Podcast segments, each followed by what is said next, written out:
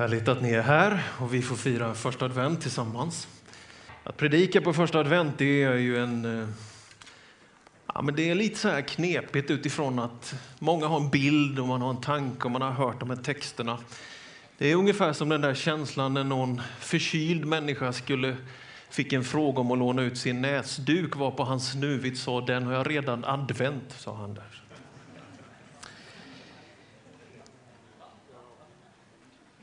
Det är lite så Göteborgsvarning på den. Den var godkänd, ja. Den var bra. Det är traditionstyngt och det är vana berättelser. Men det är ju ändå något märkligt. Vad har palmsöndagens berättelse på första advent att göra? Han rider in i Jerusalem, folk klär av sig sina mantlar, man skär palmkvistar från träden och man sjunger sitt Hosianna, O Herre fräls. De messianska förväntningarna exploderar i Jerusalem en vecka före påsk och vi läser på första advent. Vad är det här för någonting? kommer det ifrån? I de gamla historiska kyrkorna så är ju första advent det är ju nyårsdagen. Det är första dagen på det nya kyrkåret.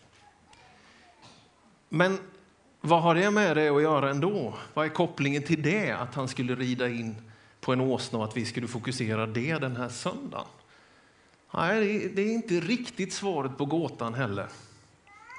Och jag vet inte om jag har det fullständiga svaret, men kanske en liten aning och spaning ändå. 150 år före den här händelsen när Jesus red in på en åsna, kommer som fridsmäklare, fredsstiftare, så är det en annan händelse som utspelar sig i Jerusalems tempel. Du vet, före romarriket fanns det ett rike av grekiska kungar som styrde också i Jerusalem. Stora delar av Medelhavsområdet. En av dem införde att för att få ihop alla imperiets grenar så måste man ha samma religion. Så i Jerusalems tempel händer det att på den plats där man har haft arken med Guds ord, man har haft alla de här institutionaliserade religiösa sakerna med kopparbäcken och man eldade och man offrade och det fanns heliga och allra heligaste så inför den här kungen att nu är templet inte åt Israels gud utan det helgas åt Zeus, en av de grekiska gudarna. För judarna och för muslimer så är det ju orent att äta fläskkött, det vet vi. Den här kungen, sägs det, såg till att man offrade suggor i Jerusalems tempel. En fruktansvärd skändning, en, en, en hädelse rakt in för att krossa den judiska religiösa längtan av att få komma till Guds hus, frambära sitt offer till Gud och be en bön och ta emot syndernas förlåtelse och välsignelsen. Nu tillbad Zeus som var gudarnas kung och nu offrade man grisar på den här platsen. Ur det reser sig en prästson som heter Judas Maccabeus och Judas Maccabeus han gör uppror. Makaberupproret inträffar. Han slänger ut alla dessa och återinviger templet. Och det är det man tror att den där händelsen har med första advent att göra. Hur kan den ha med första advent att göra? Jo, traditionen berättar att när man har återinvigt templet så tänder man ett ljus. Och Man har bara olja för att det ska kunna brinna en dag. Men det brinner en hel vecka till. Judarna firar nu ungefär samtidigt som vi firar advent, firar de chanukka till minne av templets återinvigning. En ny chans. Men när vår första adventstext kommer så är det något annat som händer i Jerusalems tempel och som Jesus kraftfullt reagerar emot. Han välter omkull bord. Han är arg på människor som tjänar pengar på människors andliga längtan. Han öppnar upp allt det här, de köpte duvor och annat och för att offra. Han öppnar upp allt det där. Duvorna flyger mot Jerusalems skyar och Jesus säger mitt hus ska kallas ett bönens hus för alla folk. Men ni har gjort det till ett rövarnäste. När vi firar första advent enligt de riktigt gamla då, kristna traditionerna så är det en berättelse om hur Gud upprättar templet till en plats av bön. Det är märkligt ändå att det som fick Judas Maccabeus att ta till våld var att judarna slängdes ut ur templet. Det som fick Jesus att välta omkull borden var att faktiskt hedningarna inte längre hade en självklar plats i templet. För man tror att den här handeln pågick på det som heter hedningarnas förgård. En period var judarna bortträngda. Vid den här tiden när vi påminns om palmsöndagens berättelse så var icke-judarna bortträngda. Det är märkligt att det alltid är en kamp om ditt hjärtas bön. Polerna går, religionsfriheten är alltid satt under press. Men idag har du kommit till en kyrka som tillsammans med alla de kristna kyrkorna firar första advent i den största glädje. Fröjda dig, du dotter Sion! Inte kung Zeus som är gudarnas kung, utan den dotter som tillber honom som är kungarnas kung. Han som är Gud själv och som har gett sitt liv på korset för att vi ska få leva i den högsta glädje. Han som säger judar och icke-judar är välkomna till mitt hus. Det ska kallas ett böneshus för alla folk. Första advent är en berättelse enligt de gamla traditionerna om en Gud som återupprättar templet. Templet, det är inte en byggnad idag. Jesus säger, ja visst kommer det här templet att brytas ner. Och han menar väl både sin egen kropp och byggnaden och den läggs ju så småningom i ruiner vid Jerusalems förstörelse. Och så har vi den nya berättelsen om det nya templet som är du, som är vi. Om ett rike som etableras i hjärtan, om en gudstro och en bönelängtan som ingen ska få kränka och ingen ska få tjäna pengar på, som ingen ska få stjäla det djupaste och vackraste som Jesus kom för att upprätta, nämligen kontakten med dig. Så när kyrkan firar första advent och påminns om Hosianna-ropen så påminns vi om ett Guds hus öppet för alla. Och vi vill att vår kyrka ska vara öppen för troende och sökare, för tvivlare och för människor som längtar efter att få bara en mänsklig kontakt. Vår kyrka är öppen för dig som kommer hit för fikats skull.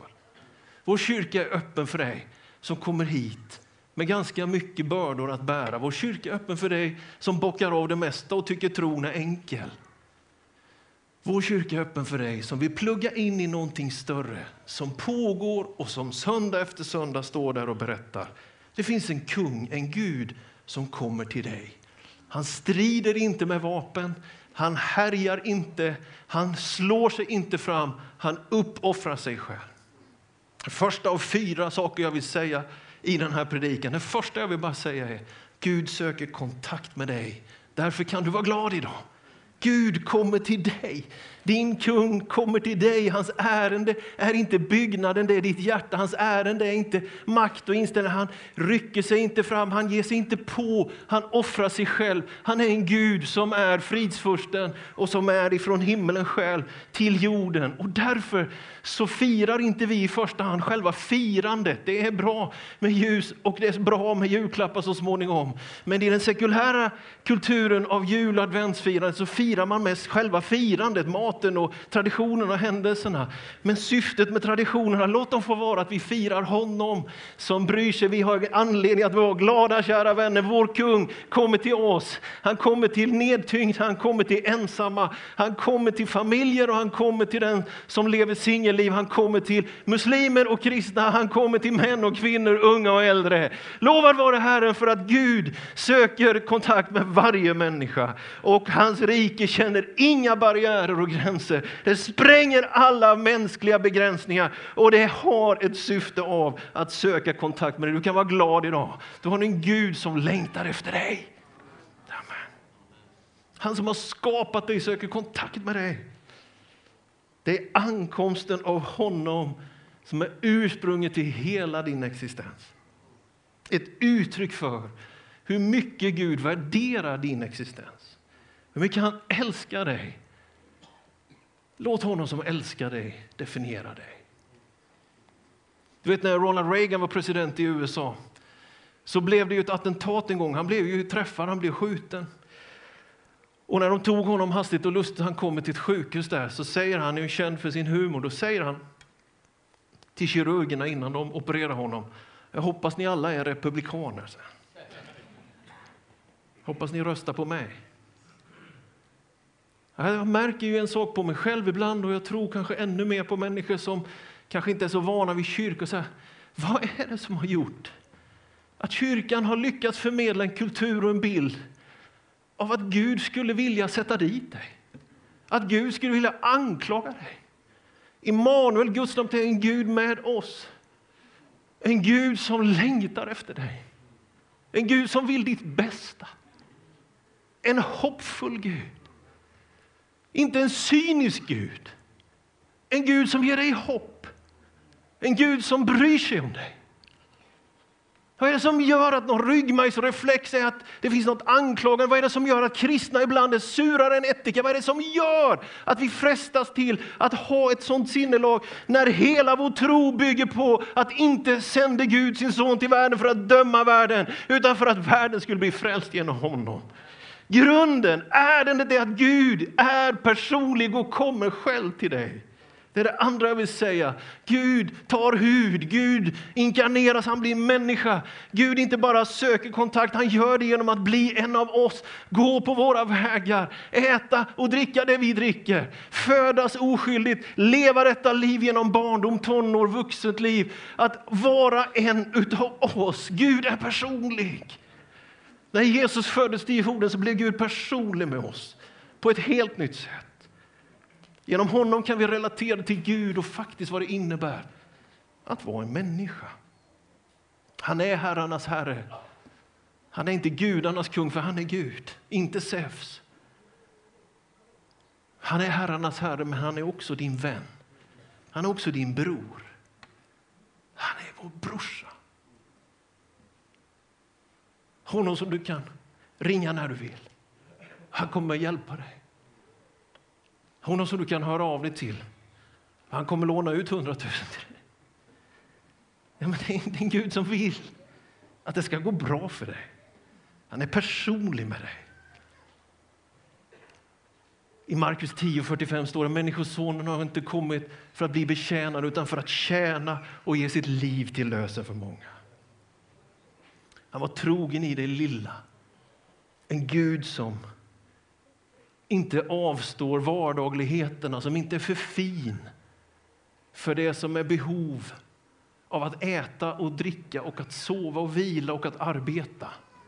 En Gud som kan väcka upp en liten flicka som har avsomnat och sen se till att hon får någonting att äta. En Gud som söker kontakt med de lärjungar som hade svikit honom och han fixar barbecue vid en sjökant där. Det är den guden som kommer fram genom evangelierna. En personlig Gud, inte en Zeus som säger inte din tro, bara min bön. Det är inte en Zeus som hädar och kränker människor utan en Gud som faktiskt har respekt för varje människas integritet. En människoson en av oss, en Gud som bryr sig. Därför så tillber vi honom. Vi gör portarna höga, vi gör dörrarna vida. Vi låter ärans kung draga in, för vi vet att han är inte korrumperad, han är inte ute efter oss, utan han vill vara med oss. Han kommer rättfärdig, han kommer segerrik, läste vi och dotter Sion, församlingen, Guds folk, dottern, kvinnan, bruden, församlingen kan ta emot honom i den största glädje. Gör en portarna höga och dörrarna vida. Jag har ju berättat det förut att jag, jag har en kortvarig karriär som kantor på första advent. Jag var pastor i södra Halland och gudstjänsten skulle börja klockan tio. Vi hade ingen orgel, vi hade bara ett elpiano så här. Och han som skulle sjunga var lite kyrkosångare så där.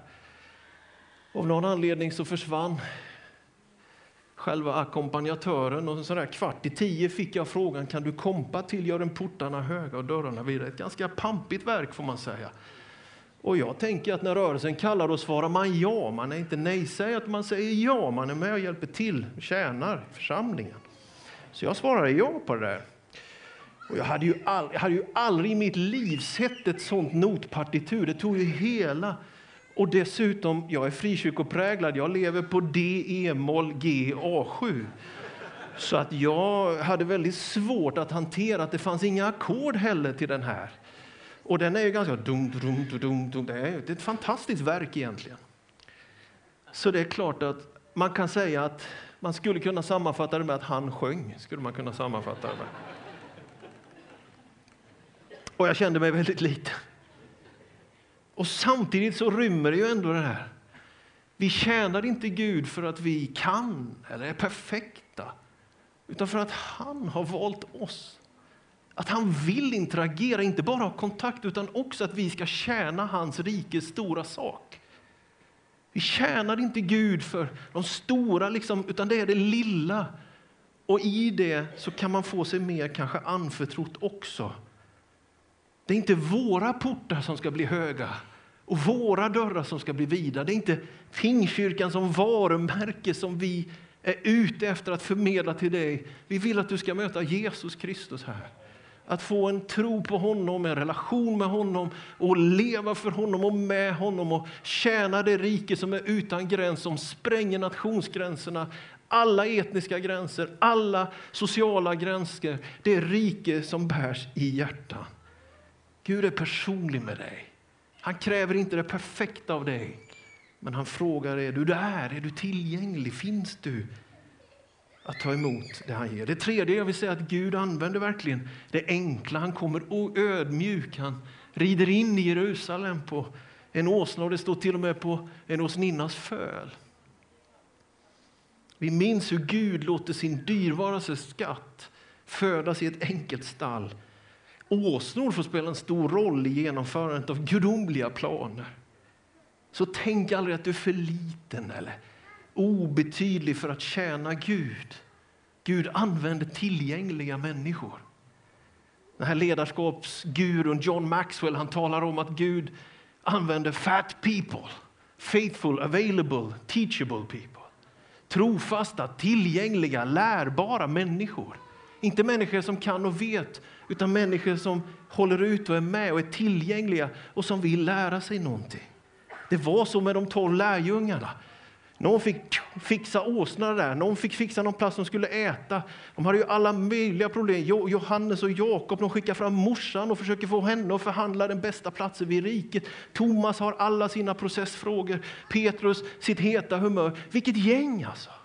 Men de får vara med och de får tjäna Gud.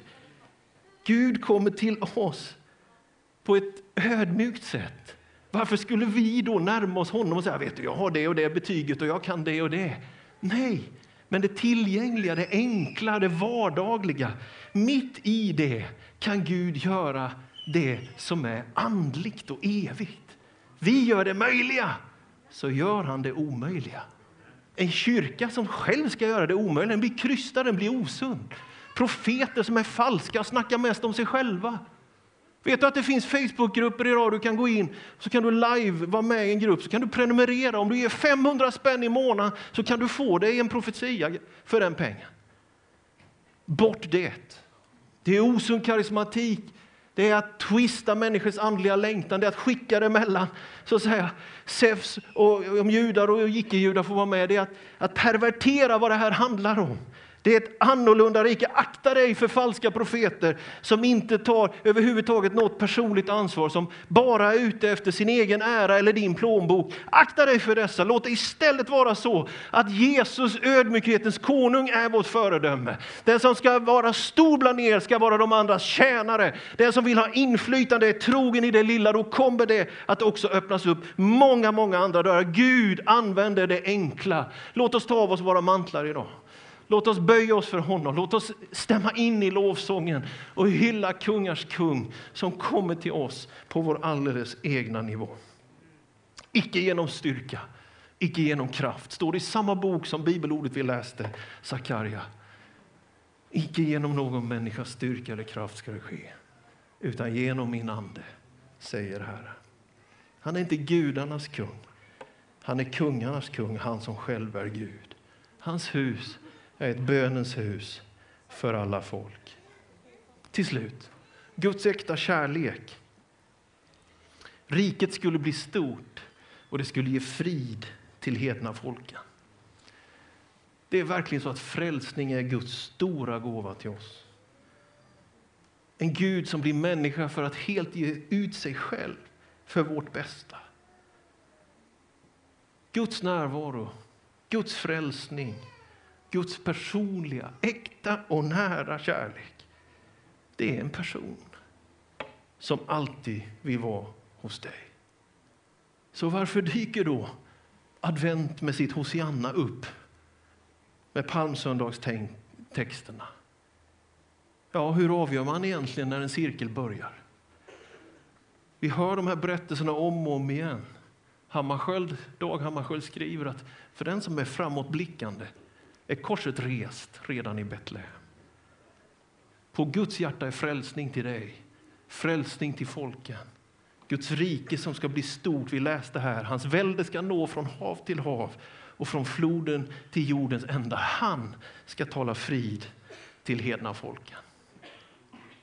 Låt oss inte falla av till det cyniska.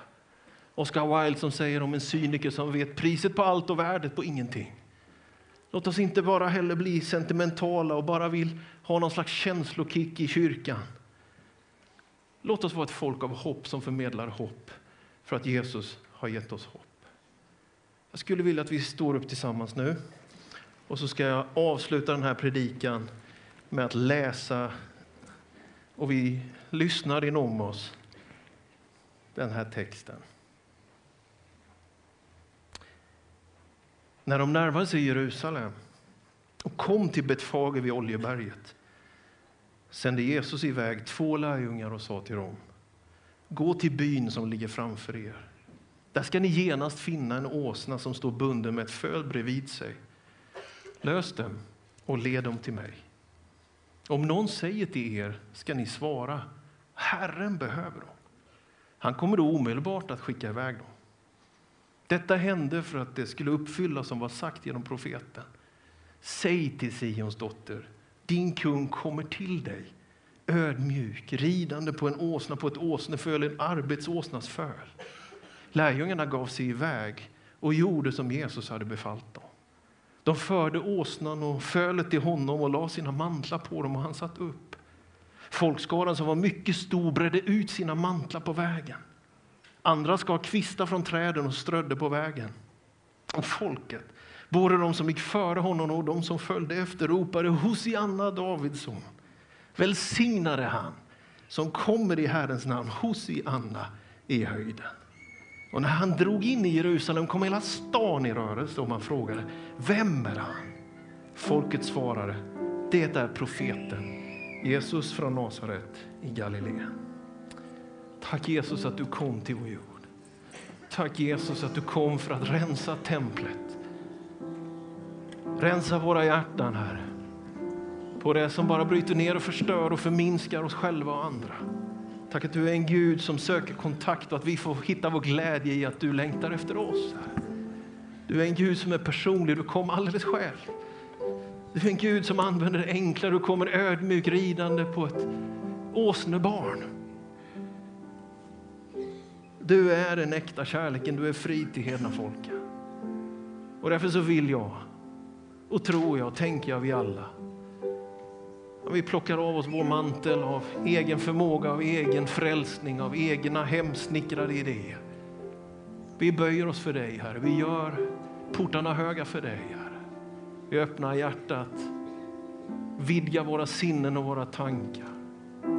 Vi vill be, vi vill sjunga, vi vill ropa Hosianna. Vi älskar dig, Herre. Vi lovar dig och vi tackar dig. Tack älskar Jesus att du är här just nu. Du gör det fantastiska, du gör det vi inte kan göra. Vi sätter vår förväntan till dig att det är du som är frälsare. Du gör det som är omöjligt. Men vi kommer med vår möjliga enkla bön och enkla sång. Och vi ber att vi ska förvandlas i det. Påminnas om det rike som bärs i våra hjärtan. Till nytta för Västerås, till nytta för Västmanland, till nytta för den här världen. För utsatta människor, för ensamma människor. För människor som inte har något hopp i tiden. Använd din kyrka. Använd det folk som sätter sitt hopp till dig. Att sprida hopp. Prisat vare ditt namn. Jesu namn. Amen. Halleluja. Öppna ditt hjärta för Gud. Låt honom komma. Tankar, processer, relationer, livet du lever. Han älskar dig, han vill det bästa. Låt oss ge vårt Hosianna till honom. Låt oss vara en kyrka full av lovprisning och tillbedjan. Inte av vår perfektion, utan av hans kärlek. Halleluja. Prisad vare Jesu namn. Vi sjunger.